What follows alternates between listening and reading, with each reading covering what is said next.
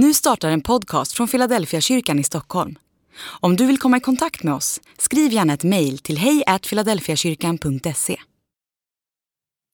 Dag 112 Barabbas För tredje gången sa Pilatus, vad har han gjort för ont?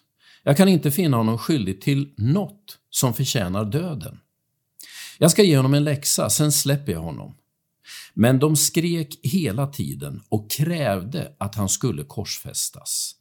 Deras rop gjorde verkan och Pilatus beslöt att låta dem få vad de krävde. Han frigav mannen som satt i fängelse för upplopp och mord, den som de ville ha fri. Men Jesus utlämnade han så att de fick göra som de ville.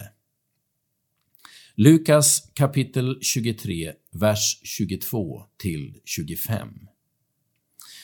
Den första som rent bokstavligt fick uppleva frälsningen var Barabbas. Han stod på väntelistan för att korsfästas eller avrättas på något annat sätt och hade förmodligen gjort sig förtjänt av det. Personligen finner jag dödsstraffet fullständigt oacceptabelt. Det stänger alla dörrar till försoning och det tar ifrån en människa alla möjligheter att vända om. Framförallt gör dödsstraffet något med ett samhälle.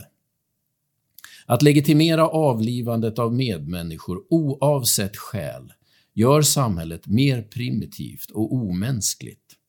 Framförallt är det svårt att acceptera hämndmotivet som rättvist. Vi vet att hämnd inte läker några sår och inte få några brott ogjorda.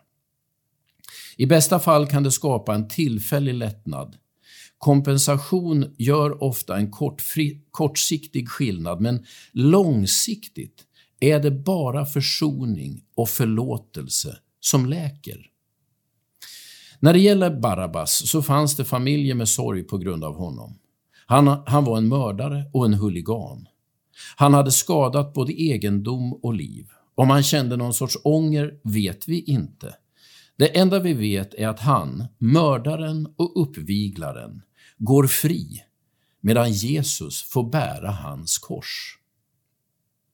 Barabbas namn och öde finns inskrivet i evangelierna som en första illustration av det Jesus gör när han lider och dör.